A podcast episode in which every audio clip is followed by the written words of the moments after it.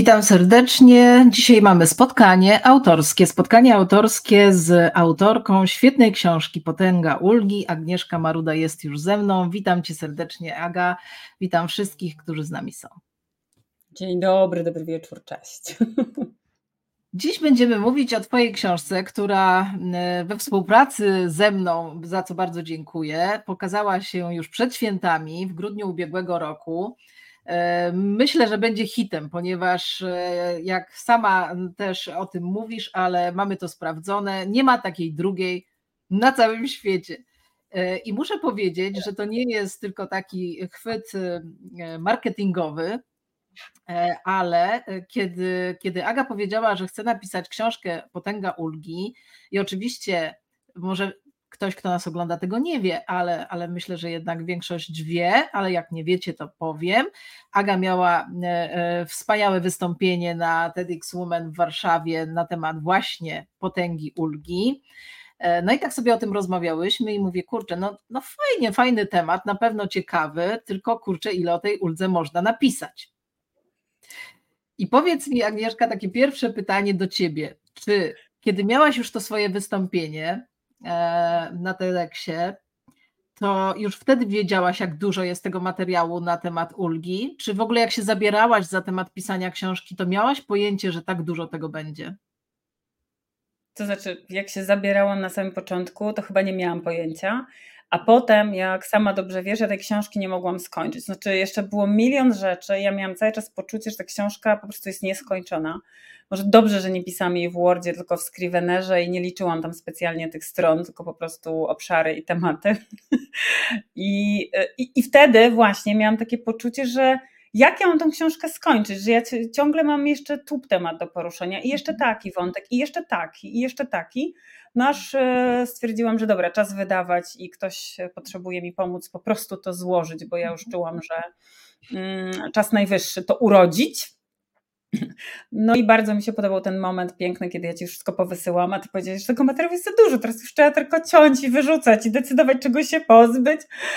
I ja potem z bólem serca decydowałam e, właściwie nie co wyrzucić, tylko co musi zostać, żeby nie płakać nad tymi rzeczami, które, które musiały zostać. No ale wiadomo, no, one się nie zmarnują, bo będą szły sobie dalej nie, nie będą zmarnowane, ale tak jak mówisz, no to...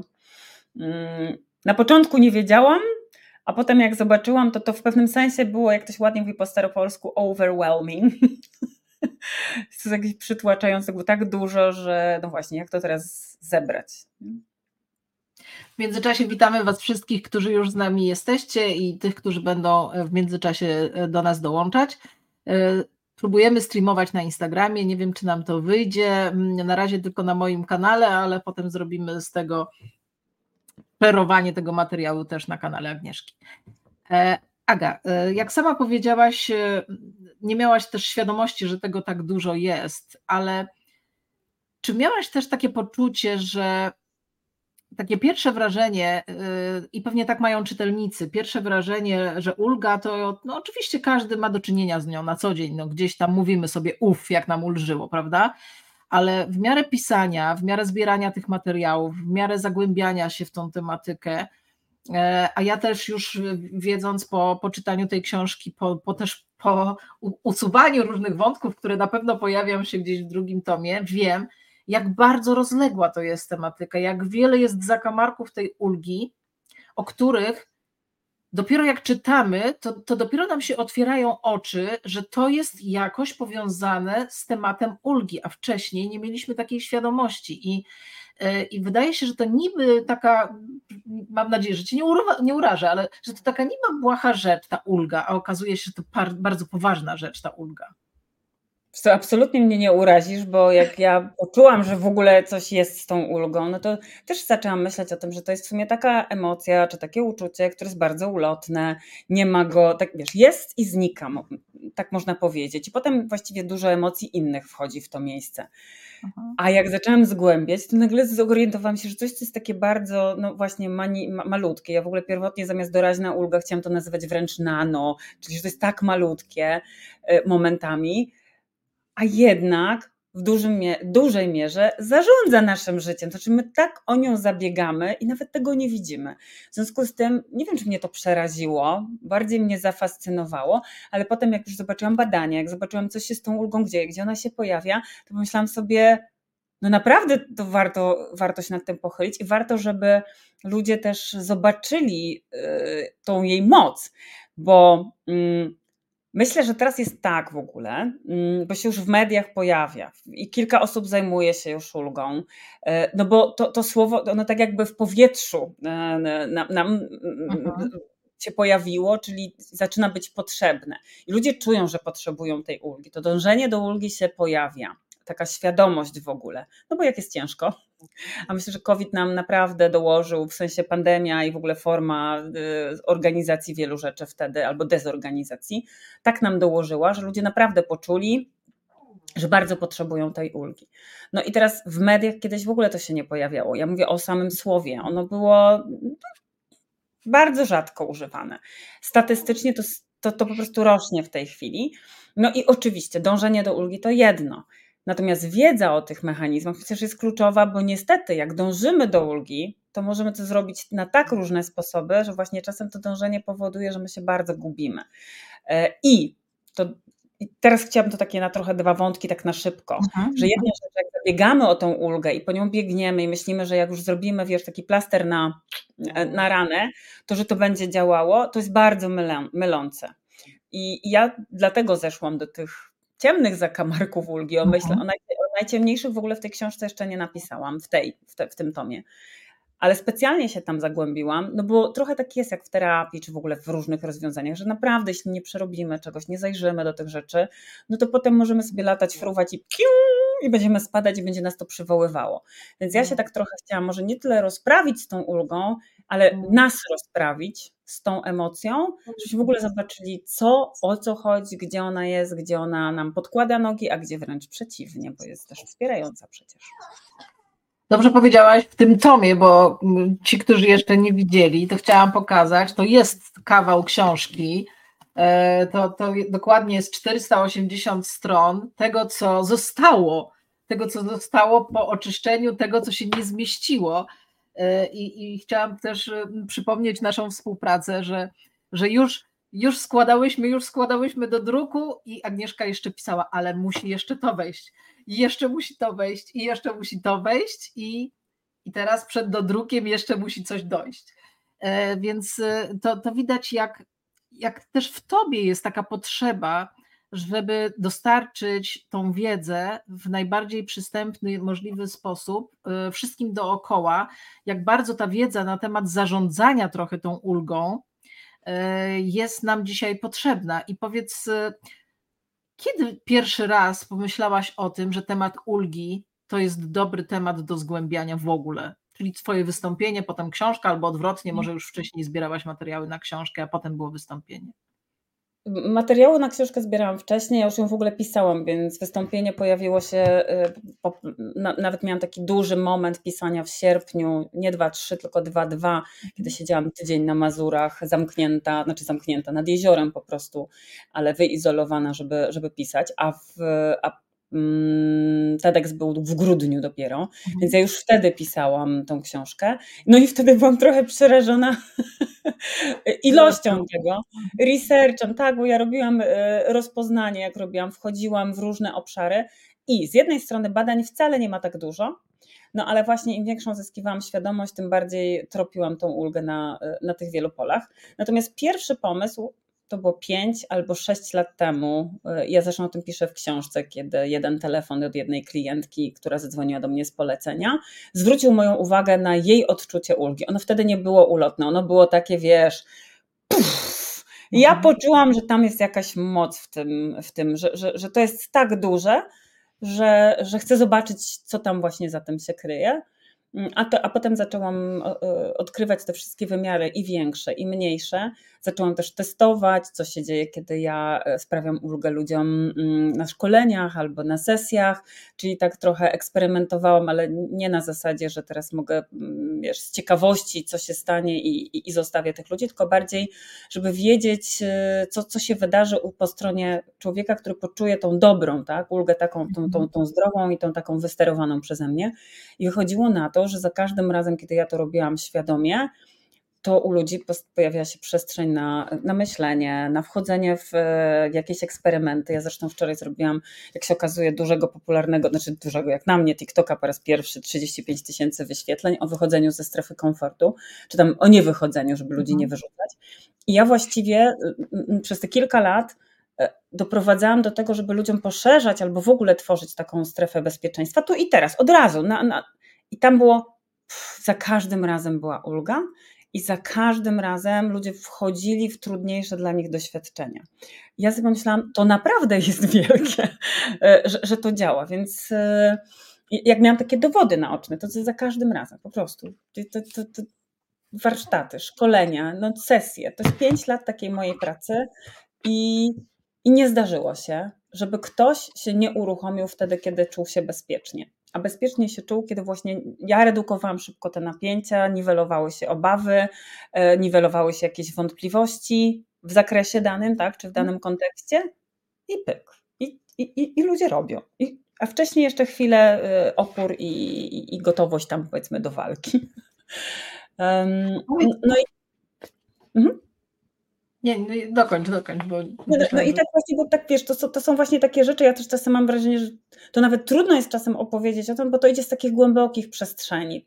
No i to, to była cała też trudność, żeby to potem ułożyć w naukowe rzeczy, żeby tam z tego wyszło, nie, ale żeby nie było za bardzo naukowo, żeby jednak było strawniej, a z drugiej strony, żeby to poszło procesowo w tej książce, więc tam trochę tak wielowątkowo y, to szło, a mi zależało właśnie na tym, żeby mieć jeszcze to, że ja sobie porobiłam, tak, czy swoje eksperymenty, czy, czy, czy przyglądałam się temu, to jeszcze bardzo mi zależało na tym, żeby sięgnąć po taką wiedzę właśnie naukową, żeby mieć na to e, papiery, że tak powiem. Tak, i że nie, nie jest tak, że sobie tam Maruda coś wymyśliła i teraz e, pisze, tylko że tam rzeczywiście coś w tym jest. No i no, no, no i jest. No i jest. To, to, co, to, co mnie bardzo, e, bardzo zwróciło moją uwagę, to kiedy wysłałaś tekst, jeszcze taki prawie surowy, do, do pierwszych recenzji, do, do Kasi Gaweł, do, do Janny Pawłowskiej i do Weroniki Tomiak, e, to na pewno oczywiście, tak jak każdy wysyłając swój taki surowy tekst, jeszcze świeży, rodzon, rodzony, że tak powiem, w bólach, e, obawia się tego, jaka będzie e, recenzja, jaka będzie, jakie będzie pierwsze wrażenie. Natomiast te trzy dziewczyny, e, oczywiście każda w swoim stylu pisząca te, te recenzje do książki, one są w książce, ale to, co się powtarza w tych trzech recenzjach, to to, że nagle otworzyły im się oczy szeroko na ulgę i tą ulgę widzą wszędzie dookoła siebie. Powiedz, czy, czy, czy też podobnie jest z Tobą, że Ty teraz wszędzie w artykułach, w reklamach, w filmach, w książkach innych, które piszesz, w wypowiedziach osób, które słuchasz, czy, czy bardziej jesteś uwrażliwiona teraz na tą ulgę? Czy jestem uwrażliwiona na nią od pięciu lat i w ogóle wszędzie, gdzie mi się tylko pojawia i słyszę, to ja już tam yy, strzyżę, strzyżę czy strzygę uszami yy, i lecę w tamtą stronę właśnie dlatego, że, że, że to takie jest i że ja czuję, że to jest ważne. Natomiast y, a propos właśnie tego, że teraz inne osoby widzą tą ulgę, bo rzeczywiście jest tak, po przeczytaniu książki, natomiast jak się cofnę w czasie do tego TEDxa, ja miałam wtedy taką, no jak w 15 minut, a właściwie 12, nie, tak mniej więcej 15 minut, opowiedzieć o całej idei, na którą mhm. jest tam prawie 500 stron, a jeszcze drugie tyle y, leży. A prawda, to jest tylko streszczenie menedżerskie póki co. Właśnie, to ja miałam taki po, pomysł, albo szukałam właściwie tego, co, co ja chcę osiągnąć, znaczy co ja chcę, żeby ludzie z tego wynieśli. I tak samo tutaj z tego pierwszego tomu. I pomyślałam sobie, że najważniejsze będzie to, e, i to już jest bardzo konkretne, żeby ludzie widzieli tą ulgę. Znaczy, gdzie ona się pojawia, w których miejscach my po nią sięgamy, gdzie polujemy. Bo to są momenty, w których już można e, się zatrzymać i się złapać i rozwiązania, metody za chwilę. I oczywiście w książce te Mhm. metody też przynajmniej część się, się pojawiła, żeby tak nie było, że teraz widzimy ją i, i, nie mamy, i nie mamy co z tym zrobić. Natomiast wtedy myślałam o tym, co jest najcenniejsze. I naprawdę doszłam do takiego wniosku po długich rozmowach jeszcze z Ewą Rzutkiewicz, która też tą książkę czytała, bo tam jeszcze parę osób czytało. I, I taką miałam analizę i pomyślałam sobie, naprawdę to będzie chyba najważniejsze i najcenniejsze. I rzeczywiście z potem, z rozmów z osobami, które już albo ze mną rozmawiały, albo widziały TEDxa, albo właśnie gdzieś na jakichś innych wystąpieniach, bo też no już na paru konferencjach byłam, czy w niektórych firmach opowiadałam o uldze, to, to najważniejszy, znowu po staropolsku mówiąc, takeaway jest taki, że widzę. A to już jest dużo, a wcześniej nie widziałem i nie widziałam. I potem oczywiście jestem w stanie, jeżeli mam na to mm, jakieś mm, mechanizmy, metody, a tego w książce jest dosyć sporo, to już jestem w stanie z tego skorzystać i realnie w życiu użyć. I znowu Mam e, mnóstwo informacji zwrotnych od moich e, koleżanek, kolegów, ale też od osób, które już przeczytały, no, że, że właśnie, widzą, tak, wszędzie już mhm. widzą tę ulgę, ale też, że, że działa w, wiedza, tak, że samo dostrzeżenie i możliwość, nie wiem, albo się zatrzymania, albo zareagowania innego dużo dobrego robi. No. Mhm.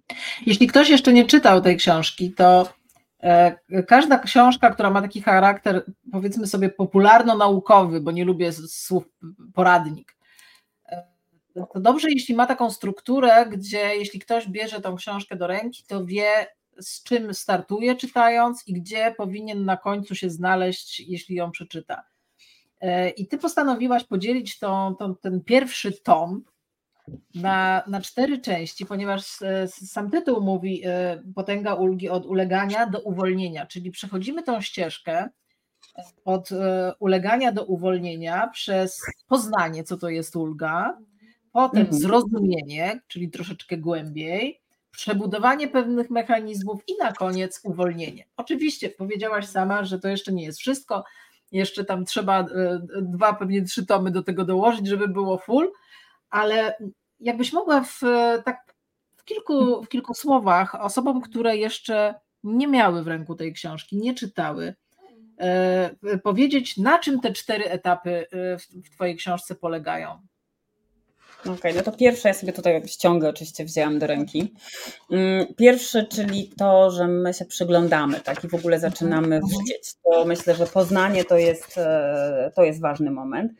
I ja tam też osadzam nas wszystkich w kontekście współczesnego świata, e, bo jak piszę dosyć tak ostro o tym, że naprawdę mamy trochę przerąbane w tym świecie e, mhm. totalnych zmian, informacji i tak dalej, i że to jest dosyć duży dyskomfort i świat napięć, to, to jest punkt wyjścia. I myślę, że chodzi o to po prostu, żeby, zresztą potem jest też metoda akceptacji, i żeby to zaakceptować i przyjąć, że tak jest, a nie udawać, że tego nie ma y, i wiesz, y, jak to ładnie mówi, tak, kolorowe, różowe słonie. No nie, nie jest prosto, co nie znaczy, że nie może być pięknie i kolorowo. Może być.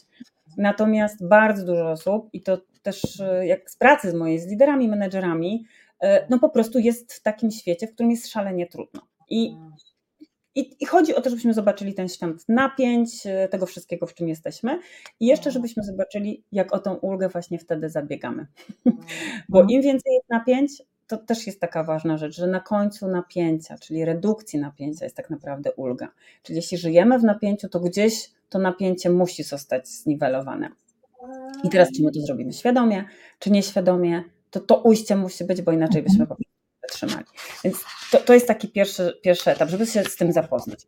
Drugi, gdzie chodzi o to, żeby zrozumieć, czyli tam już idziemy w mechanizmy, schematy, różne badania, co nam dolega albo właśnie czemu, czemu ulegamy i na co się łapiemy. I powiem jeszcze jedna rzecz, jedną ważną chyba rzecz, którą też piszę w książce, że czasem ludzie myślą, że to coś z nimi jest nie tak, że tak reagują.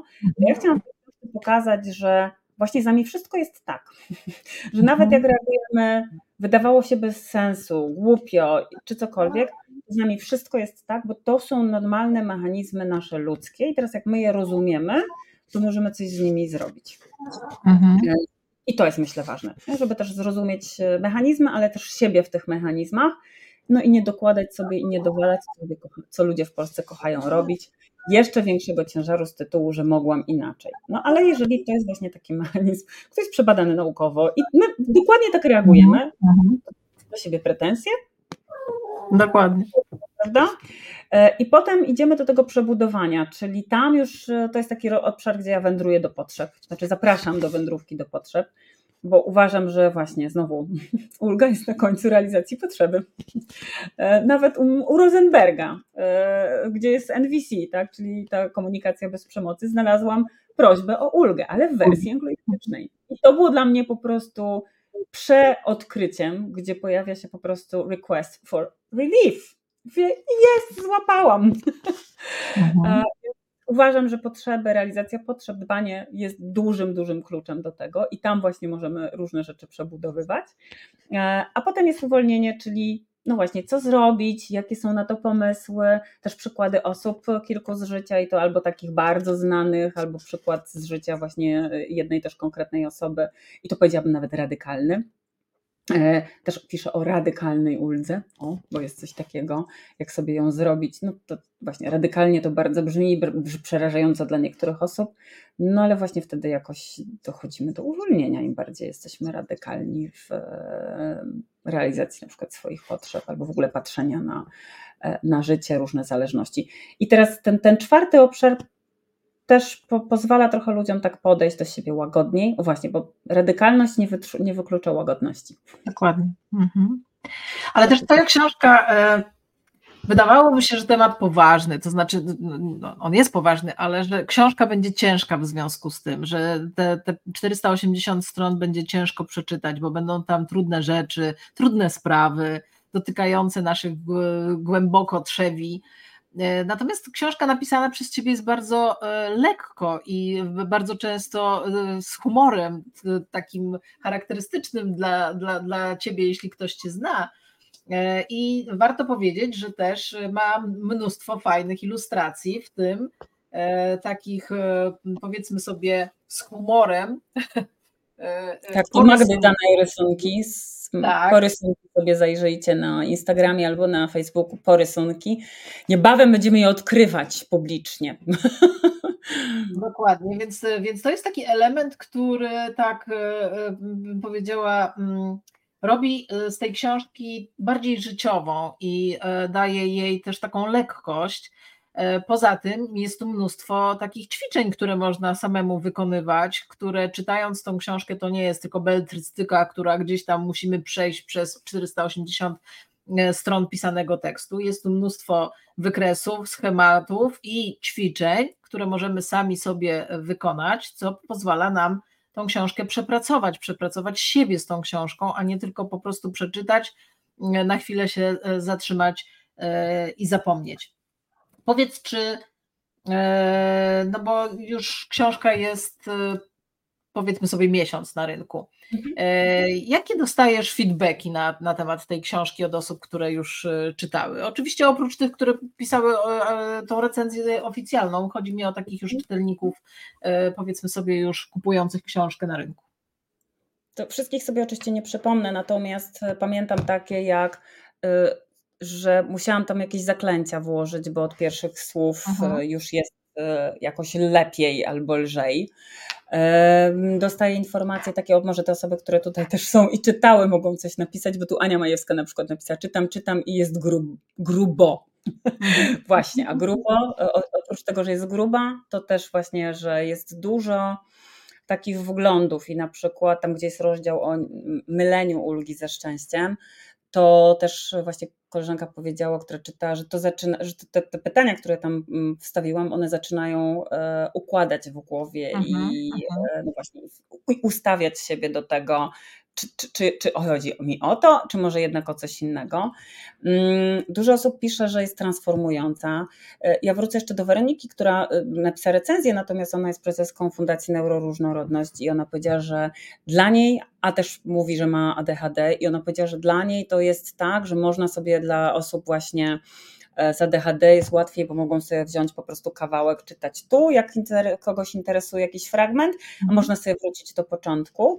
I ja rekomenduję każdą formę, bo można transformująco przejść sobie wszystko, albo właśnie jak co, kogoś interesuje jakaś szczególna część, to jak najbardziej można w oderwaniu od reszty też sobie przeczytać jakiś fragment, bo tak mi zależało na tym, że ta książka tak wyglądała.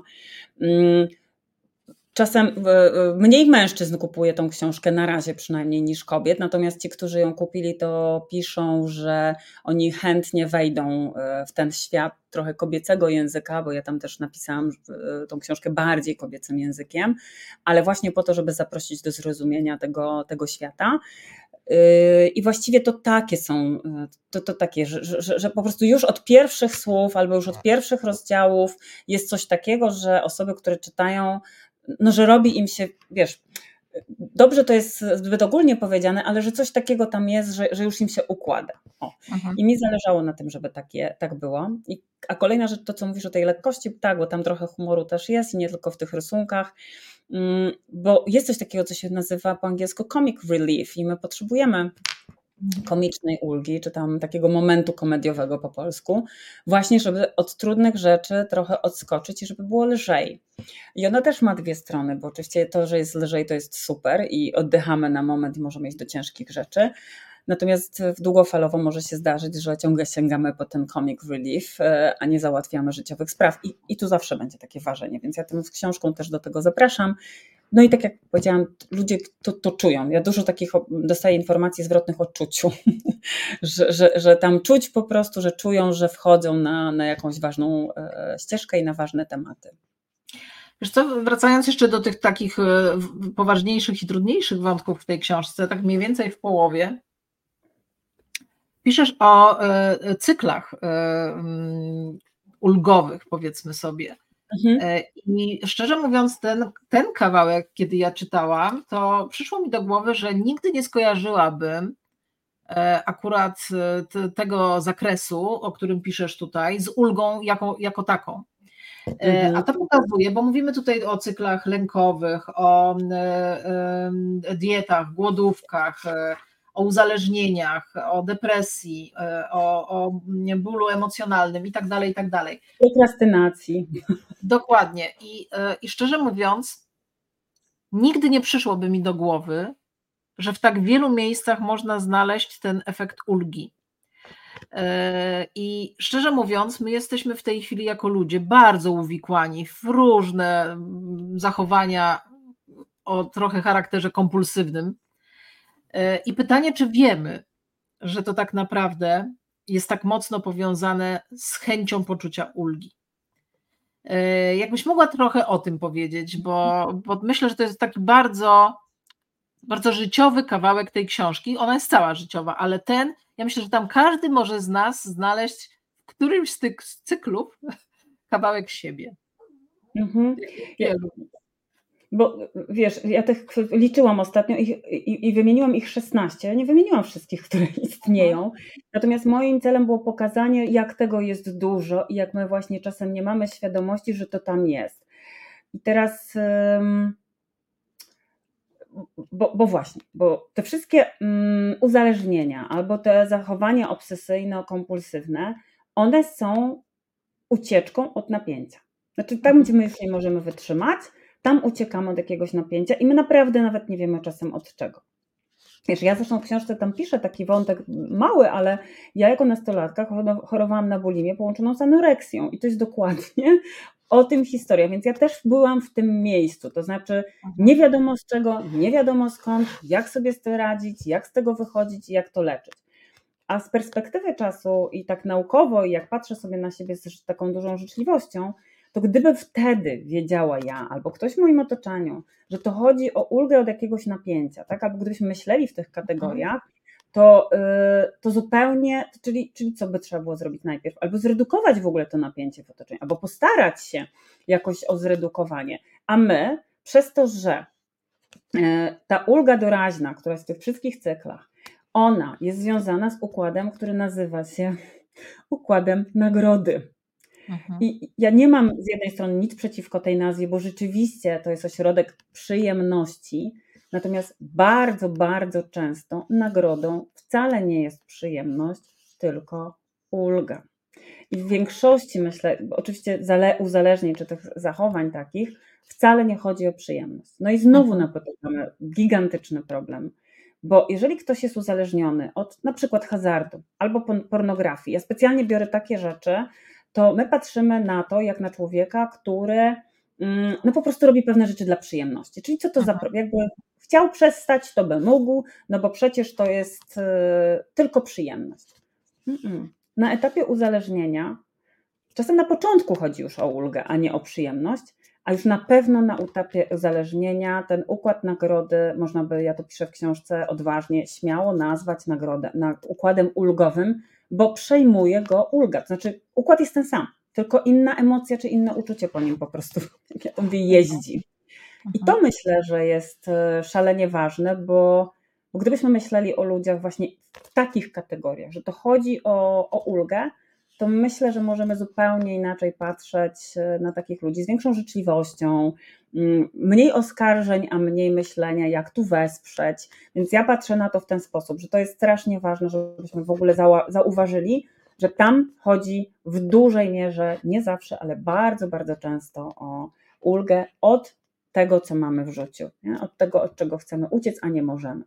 Wszystkie obgryzania paznokci przez nastolatki, nastolatków, e, wy, nie wiem, rozdzieranie sobie, czy tam rozdrapywanie skóry, e, mhm. wyłamywanie palców, nie wiem, wyrywanie włosów, nacięcia, tak? Te wszystkie takie rzeczy, no one właśnie dokładnie są, e, są o tym, że coś jest zbyt duże, zbyt przytłaczające i to, to, to jest w ogóle ciekawe, że ludzie zadają sobie w różnych formach ból nie po to, znaczy po to, żeby nie czuć innego bólu. Tak, I, i, mhm. żeby odwrócić uwagę. Mhm. Tak, żeby odwrócić uwagę. Natomiast nieważne, czy ten ból będzie mniejszy, czy nie. Chodzi o to, że my sobie zadamy ból czy, jako ludzie i poczujemy redukcję tego bólu w tym miejscu, gdzie go zadaliśmy, i tam już się nie musimy zajmować tym, tym, tym czymś innym.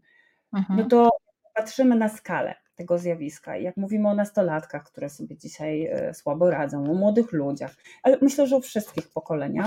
Mhm. Tak, no, bo, bo, no bo oczywiście widzimy część, a, a części nie widzimy.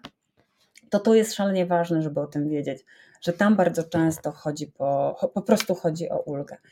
I redukcja napięcia dookoła to jest jedno, bezpieczne, tworzenie bezpiecznych warunków, a są takie przypadki, w których jak mamy te zachowania obsesyjno-kompulsywne, czasem po prostu trzeba pogodzić się z tym, że przez jakiś czas wychodzenia z tych zachowań nie będzie ulgi, że, e, że będzie po prostu trudno, bo tam mhm. polowanie na ulgę bywa e, zwodnicze po prostu. Więc ja to też tam no w książce postarałam się tak dosyć dobrze i obrazowo e, opisać, no właśnie, żeby, żebyśmy byli po prostu świadomi, tak, świadomi, świadome tego, że no, ulga potrafi, czy dążenie, bo sama, sama, sama, samo uczucie, czy sama emocja nie jest przecież ani dobra, ani zła, tylko to takie dążenie, czy uciekanie od czegoś, byle poczuć ulgę, no, no właśnie, tak sobie westchnę. Już e, mój e, ulubiony porysunek Magdy Danej to jest ten, który nie zacytuję, bo, bo nie będę go teraz szukać, ale jest taka tam e, historyjka, że tak bardzo mi ulżyło, że termin tam projektu został przełożony, że od razu zgodziłam się zostać po godzinach i dokończyć inny projekt. E, I, I, to, to piszesz w kontekście, znaczy ten porysunek jest w kontekście tego, gdzie piszesz o huśtawce emocjonalnej i takim bezrefleksyjnym mm. potem akceptowaniu tego, co zaraz po, tym, po tej uldze nam przychodzi. I powiem Ci, że to jest bardzo jakby ciekawy mechanizm, e, żeby go poznać, żeby też nie mieć do siebie potem pretensji, że na coś się mm, e, tak e, pochopnie zgodziliśmy na przykład, bo ty właśnie wyjaśniasz, jak działa ten mechanizm. I to bardzo otwiera oczy wtedy właśnie, żeby u, u, ulegać, nie ulegać, tylko żeby uważać na takie, e, na takie sytuacje w przyszłości. Czy, czy powiedz, czy tą czy ta huśtawka emocjonalna e, to jest według Ciebie jeden z ważniejszych mechanizmów, który trzeba poznać, żeby sobie znaczy, poradzić z ulgą? Jeśli o ulgę chodzi, to na pewno tak. Nie jedyny, bo jest ich więcej, natomiast absolutnie tak. Tu serdecznie pozdrawiam Kasię Gaweł, która widziałam już na LinkedInie pisze o tym, że TEDx, ale właśnie Kasia mi też podała parę swoich życiowych przykładów, gdzie znajomość huśtawki emocjonalnej pozwoliła jej zdecydować właśnie w różnych momentach zupełnie inaczej. Mi bardzo pomaga, bo jeśli widzę tylko momenty, w których ja albo moi klienci wchodzą na tą tak, bujają się na tej huśtawce, no to od razu wiemy, z czego wynikają niektóre decyzje i można potem mm, decydować, jak e, ich, znaczy nawet nie unikać decyzji, tylko jak zupełnie inaczej podchodzić do decydowania. Mm, bo myślę, że ta bezrefleksyjność e, no jest po prostu, ona się pojawia jeśli nie znamy tego mechanizmu, przyjdzie i w tym momencie nic nie zrobimy, bo jesteśmy na takim etapie przełączania się programów. No i to trochę tak, jakbyś restartowała, tak mówię też do nas wszystkich, jakbyśmy restartowali komputer, chcemy się włączyć na Zooma czy na Teamsa, a tu aktualizacja i i nic nie zrobisz. I trochę tak mhm. samo z naszym mózgiem, że przez to, może, to mogą być sekundy, ale to mogą też być dłuższe minuty, że my po prostu jesteśmy na etapie aktualizacji i przełączania się między jednym programem a drugim. No i nie mamy, można nawet powiedzieć, takiej kontroli nad tym, co, co, co robimy, bo ją tracimy po prostu. I, I dlatego myślę, że to jest tak, to jest ważne, żeby, żeby, żeby to wiedzieć, bo to nie tylko w życiu prywatnym, to w biznesie, to w negocjacjach, y, to jest y, przy, przy tym, kiedy negocjujemy wynagrodzenia, kiedy, kiedy negocjujemy warunki w ogóle funkcjonowania, no w wielu miejscach. A czy masz poczucie takie, że teraz taka tematyka właśnie dotykająca bardziej e, tych sfer emocjonalnych e, nas jako człowieka zaczyna być bardziej popularna niż te takie warsztatowe rzeczy, które jeszcze do niedawna wszyscy nas uczyli, jak to wszystko dobrze robić, dobrze negocjować, dobrze występować publicznie. Zresztą sama to robisz, ale e, chodzi mi o to, czy czy to jest taki moment, gdzie my się zaczęliśmy jako ludzie trochę bardziej zachowywać refleksyjnie i potrzebujemy wejść głębiej w nas samych? Czy to jest dobry moment na taką książkę? To tak rozwinięcie mojego mm -hmm. pytania. To, to, na całe szczęście tak. Jak pytasz, czy dobry moment, to w ogóle uważam, że jesteśmy wszyscy istotami emocjonalnymi i mhm. jeśli ktoś jako oskarżenie traktuje tekst, bo jesteś taki, taka emocjonalna, to ja się zawsze, teraz sobie już żartuję zawsze, ale tak całkiem poważnie sobie żartuję, że może zacznijmy oskarżać ludzi o brak emocjonalności, mhm. e, bo to jest jakiś błąd. Mhm. E, przecież nie ma ludzi bez emocji, chociaż myślę, że chcielibyśmy być bardzo tacy racjonalni, ale po prostu emocje w nas są, są w biznesie i, yy, i chyba, już teraz nie Goldman chyba powiedział, tak, że czasy yy, funkcjonowania bez emocji w biznesie się skończyły i właściwie od nich zależy tak naprawdę sukces i to jest, yy, uważam, prawda. Jak mówimy o szkoleniach czy warsztatach, to tak sobie teraz nawet myślę i zrobiłam szybką retrospekcję, że właściwie niezależnie od tego, czy to są wystąpienia publiczne, czy zarządzanie konfliktami, czy prezentacje biznesowe, czy motywacja, na moich takich wszystkich warsztatach my absolutnie zahaczamy o tematy związane z tym, co się dzieje pod spodem. No bo co z tego, że ja nauczę kogoś y, schematów związanych z zarządzaniem konfliktami na przykład, jeżeli mhm. nie ogarniemy tego, że oni mają różny stosunek emocjonalny do samego konfliktu. I, I sam fakt na przykład, że wychodzą mi z warsztatu i mówią, że kurczę, zupełnie inaczej patrzą na konflikt teraz i w sumie nie boją się go już tak bardzo jak kiedyś, to to jest duża zmiana, ale ona nie jest tylko na poziomie rozumowym, tylko ona jest właśnie na tym poziomie trochę głębszym. Więc myślę, że wszystkie mądre książki, zarówno ta moja, i teraz tak, to jest mądra książka. E, uczę się mówić o tym e, w taki sposób, że tak, to jest dobra książka, zawiera wartościowe rzeczy, chociaż nie chciałam wierzyć, wiesz, jeszcze prze, prze, tam gdzieś w listopadzie miałam, może nie wątpliwości, ale wiesz, trudno mi było to powiedzieć, a teraz w sumie tak, to jest bardzo dobra książka, to jest bardzo dobra pozycja. I myślę sobie, że wszystkie te takie dobre, mądre książki, które coś tam odkrywają e, nowego, i, i opierają się o, o emocje, ale też mechanizmy i analizy, to myślę, że bardzo jest dobry czas na to, żebyśmy w ogóle zrozumieli. A dlaczego? Dlatego, że w dobie sztucznej inteligencji i technologii mamy jeszcze drugą technologię do ogarnięcia, czyli właśnie nasz, nasz ten system cały wewnętrzny. I myślę sobie, że jak ktoś tego nie będzie ogarniał, to będzie bardzo trudno w mhm. najbliższych latach w ogóle funkcjonować. Więc bardzo potrzebujemy rozumieć, co się z nami dzieje i też umieć w to wchodzić i tam po prostu zarządzać. Więc wiesz, tak kończąc trochę tą część wypowiedzi, myślę sobie, że jestem wielką, wielką szczęściarą. W tym sensie, że jak złapałam ten, ten temat, jak zaczęłam się w niego zgłębiać i jak za, zaczęłam sobie patrzeć na te wszystkie rzeczy, to, to ja przeszłam, to, to co jest w tej książce, to ja przeszłam przez, przez te kilka lat i trochę tak pomyślałam sobie, że zrobiłam to w kilka lat, żebyście wy mogli to zrobić w kilka tygodni albo miesięcy. E, natomiast e, w wielu miejscach jest mi po prostu zupełnie lżej, spokojniej. E, ja nie powiem, że już wszystko mam rozwiązane, absolutnie nie, bo jeszcze nie wiem, co tam przede mną. Natomiast no to moje życie jest autentycznie spokojniejsze, lżejsze i jak sobie popatrzę na siebie dzisiaj, a na siebie sprzed tych czterech, pięciu czy nawet dwóch lat, no to widzę te różnice. Tak? Tylko właśnie to jest ta wykonana praca. I, i dlatego mówię o tym byciu szczęściarą, e, w tym sensie, że, że, że zrobię, no tylko jeszcze tą robotę trzeba wykonać. I, I marzy mi się, Naprawdę mi się marzy, bo to po to jest ta książka. Bo ja nie chciałam tego chować dla siebie, tylko marzyło mi się, żeby ludzie sobie sięgnęli po to. Ja, ja wiem, że to zabrzmi górnolotnie, ale żeby ten świat był po prostu odrobinę lepszy i lżejszy dla ludzi. E, no i to po to jest. Ale wiesz, to e, jak byłam e, na Twoim spotkaniu w Fundacji Liderek Biznesu, na Twoim spotkaniu autorskim i ktoś powiedział, czy to jest na pewno Agnieszka? Ona tak nie wygląda. A ty powiedziałaś, tak wygląda człowiek, który czuje ulgę, który, który już mhm. jest jakby po tej drodze, którą trzeba przejść tu. I absolutnie się z Tobą zgadzam, bo z, tej, z, tego zdjęcia na okładce e, e, emanuje taki relaks, taki spokój, takie ukojenie, e, że to jest zapowiedź, co może się z nami zadziać, jak przeczytamy ją do końca i zastosujemy E, chociaż e, trochę tego, co, co, co tam Agnieszka e, nam zalecasz.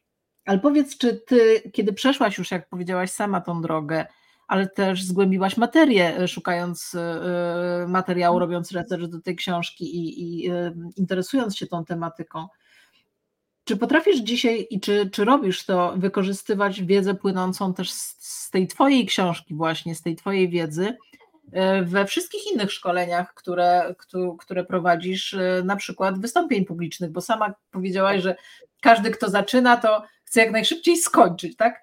Jeszcze nie zaczął mówić publicznie, występować, a już chce skończyć, chce poczuć tą ulgę. Czy ta wiedza ci pomaga, żeby docierać właśnie do, do tych Twoich studentów, e, jak, jak zarządzać tą ulgą?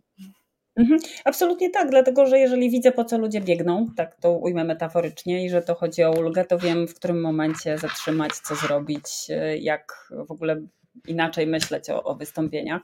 A wiesz, to, to, że ktoś chce zwiać, no to widać nawet na próbie, bo go jak postawię na scenie e, i pracuję na przykład z klientem, gdzie wiem, że ktoś ma tam prezentację i cały zarząd będzie siedział, a zarząd w ogóle płaci za to, żeby ktoś się dobrze przygotował. I taki człowiek nawet na próbie mi zwiewa po prostu, e, wiesz, schodzi z tej sceny, albo słyszę jak mówi, ja już po, po, po, po tempie rozpoznaję takie rzeczy, no i zwykle jak zadaję pytania, mówię, ty dokąd chcesz, wiesz, już chcesz mieć z głowy, już chcesz poczuć ulgę, takie ale skąd wiesz?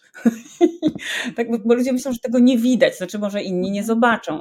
Natomiast e, ja właśnie przez to jestem bardzo taka uważna, czujna i, i, widzę, jak to działa, no to zadaję takie pytanie i ludzie wtedy tak sobie uświadamiają, kurczę, rzeczywiście, i to jest często też moment, e, moment zwrotny. I, i, I, w takich miejscach, albo w takich miejscach, gdzie nawet o tym nie wspominam, tylko tworzę trochę inne warunki i trochę inaczej organizuję albo przestrzeń, albo sposób zarządzania jakimś zadaniem, albo tematami, gdzie już widać zmianę, bo to, bo to widać, kiedy jest, ach, robi się lżej. Zresztą wszyscy to czujemy, prawda?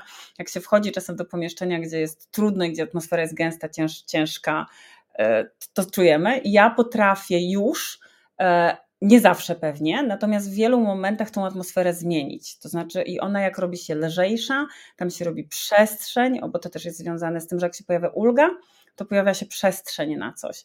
I mhm. wtedy mhm. dzieje się magia. I właśnie, niektórzy mówią, że czekaj, że magia się dzieje poza strefą komfortu. Ja powiem, mm, mm, nie, nie, nie, nie, nie, właśnie odwrotnie.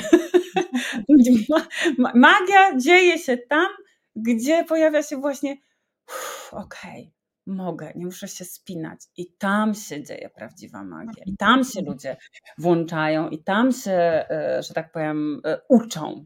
Więc tak, to, to, to absolutnie pomaga i wolę tą magię właśnie związaną z tą, tą, tą taką dobrą, e, zarządzoną ulgą. Powiedz e, tak, tak, jeszcze, zanim e, będziemy powoli kończyć, bo ponieważ to spotkanie autorskie, to też trochę chciałam Cię spytać o warsztat, jak pisałaś tą książkę, jak się za nią zabierałaś, jak zbierałaś materiały, bo to nie jest proste napisać taki kawał porządnej, naukowej, powiedzmy sobie to wprost, mhm. książki. Podchodziłam z jednej strony jak do jeża, mm, znaczy, bo, bo pewnie przeczuwałam, że to jest duże i że to jest większe ode mnie. No, myślę, że, że to wszystko ruszyło pewnie jak się pogodziłam z tym, że to jest większe niż ja sama. I okej. Okay. Czyli potraktowałam siebie trochę jak nośnik taki, że, że ja mogę to przez siebie przepuścić i wydać na świat. Research robiłam non-stop i nieustannie. Jestem po prostu, e, ciągle byłam gdzieś zadziwiona, albo zaskoczona, albo zachwycona tymi rzeczami, na które trafiłam. E, wiesz, ja mam zbadaną głęboką czy dużą, wysoką potrzebę ciekawości, w związku z tym dla mnie research jest czystą przyjemnością i ja bym go mogła pewnie robić bez końca. Więc oczywiście wiedząc o tym, potrzebowałam się też trochę dyscyplinować, w tym sensie tak, tak u, u, ukierunkowywać, żeby mhm. jednak e, nie tylko robić research, natomiast z tego researchu, żeby jednak powstawały Coś materiały książki. Tak.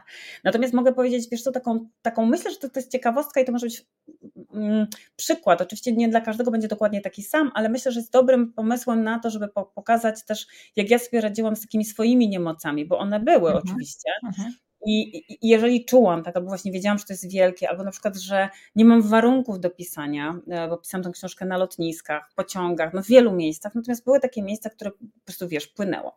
Ja pamiętam, jak sobie tak odpowiedziałam na pytanie, kiedy mi tak płynie, no i właśnie wtedy byłam na tych Mazurach, gdzie miałam o, taki mały domek z widokiem na wodę. Codziennie przez godzinę pływałam w wodzie. Miałam naprawdę taki plan. Pisałam, yy, miałam, wiedziałam, że mam pływanie, bo potrzebowałam sobie to wszystko jakoś tak wyregulować. Miałam widok na wodę i to były takie rzeczy, które mnie yy, uruchamiały. No dobrze, no ale nie zawsze mogę mieć tą wodę. Tak, częściowo jakoś mieszkam w Hiszpanii, więc jeździłam na tą plażę, kawa, siedziałam tam cały dzień z widokiem na morze. Super. No ale w poznańskim biurze nie ma morza a jeszcze tam zima na przykład. Skąd ja teraz wezmę morze?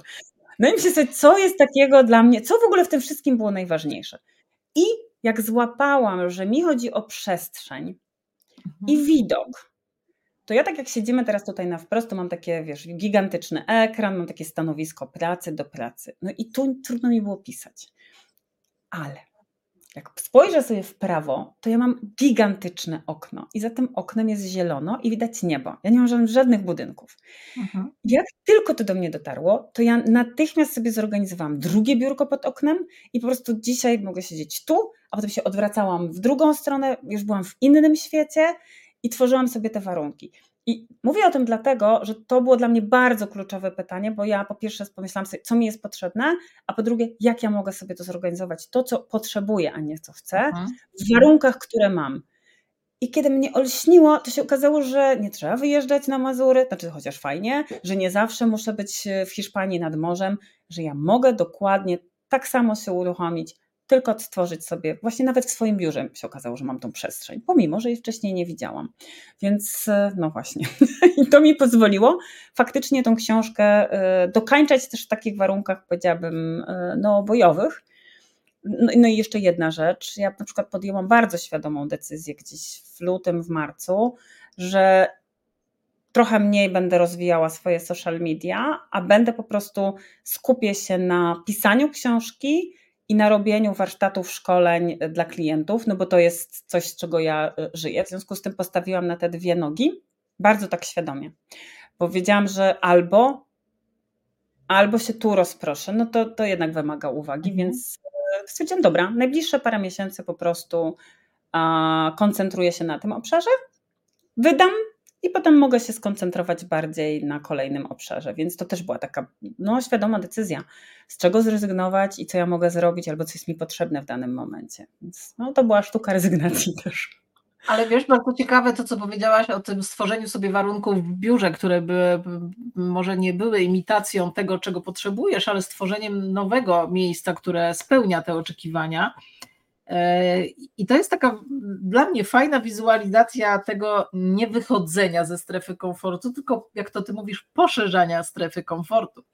bo ta, ten, ten twój e, komfort w tym biurze był ograniczony, a ty sobie po prostu jednym posunięciem poszerzyłaś e, tą, tą strefę komfortu o stworzenie sobie warunków do pisania i, i bardzo mi się to podoba i, i, i spróbuję to w swoim życiu gdzieś wykorzystać, szczerze mówiąc.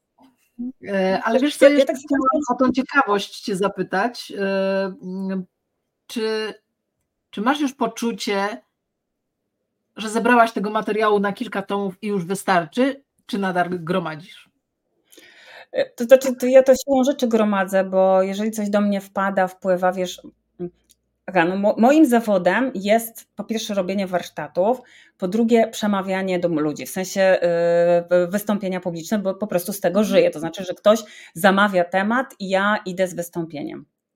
I ponieważ mam wysoką potrzebę ciekawości, to gdybym nawet dokładnie z tym samym tematem e, wchodziła, e, znaczy z tymi samymi rzeczami, to ja bym się zanudziła śmiertelnie. Mhm. W związku z tym, e, oczywiście, że tak.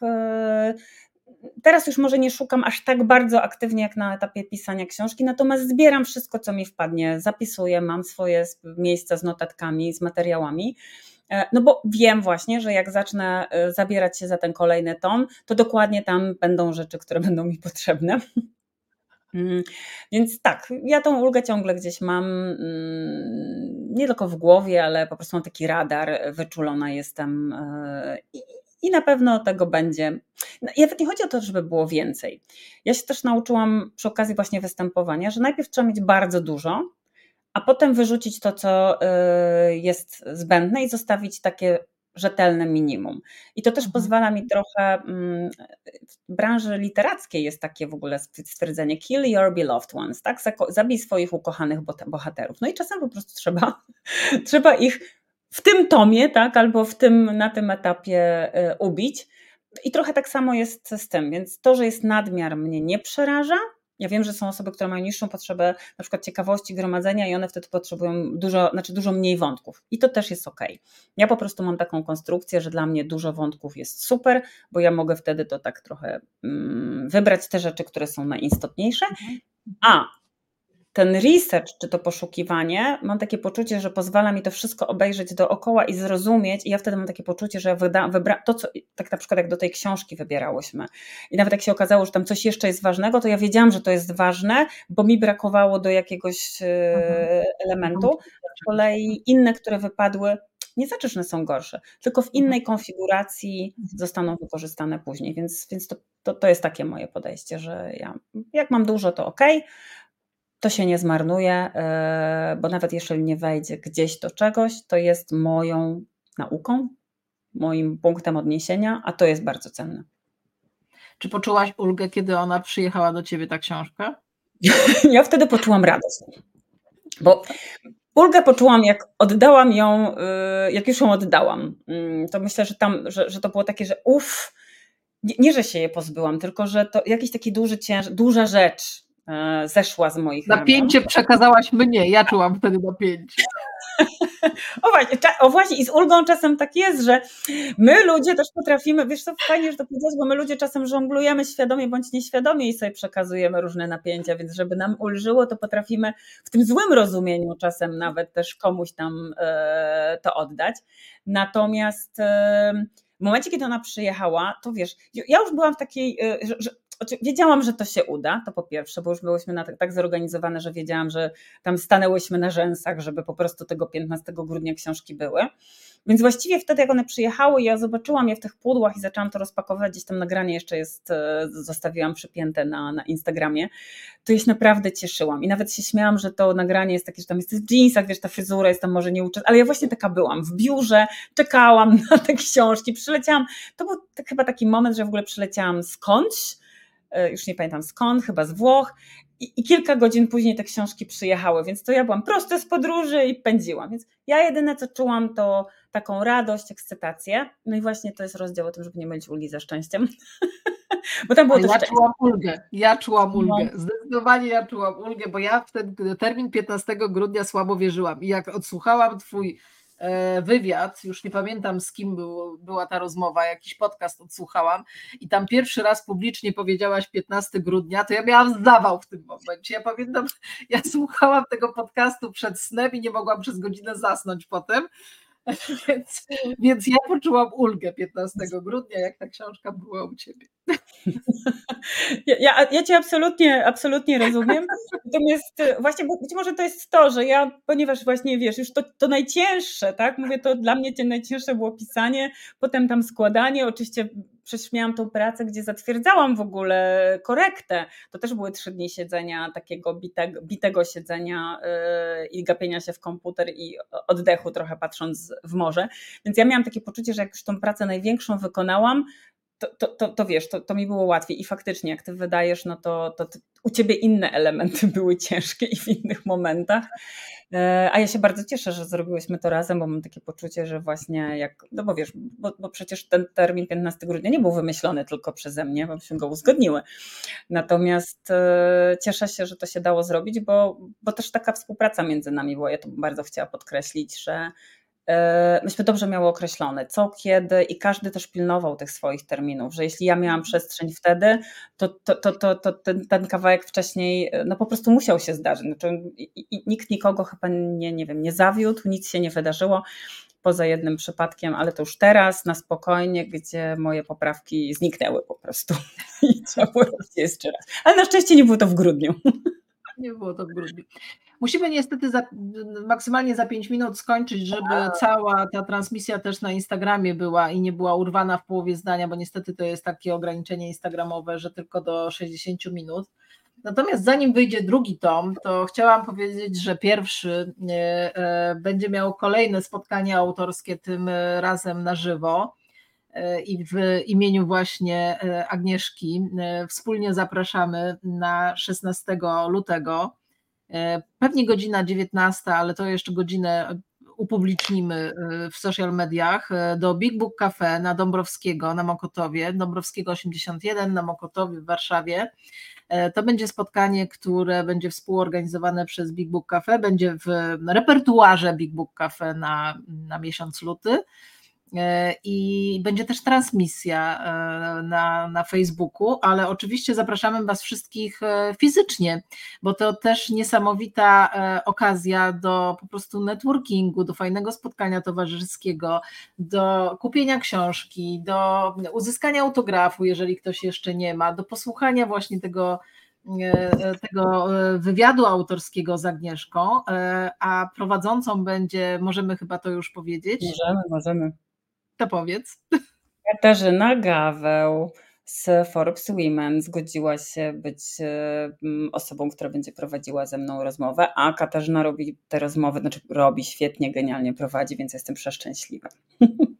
Kto nie zna Big Cafe, to jest, e, jak sama nazwa wskazuje, księgarnia z kawiarnią, więc będzie można tam naprawdę w fajnych, miłych e, warunkach sobie, to jest piątek, więc można sobie spokojnie fajnie spędzić e, e, wieczór, popołudnie, posłuchać ważnych spraw o książce, o Agnieszce, o emocjach, o uldze.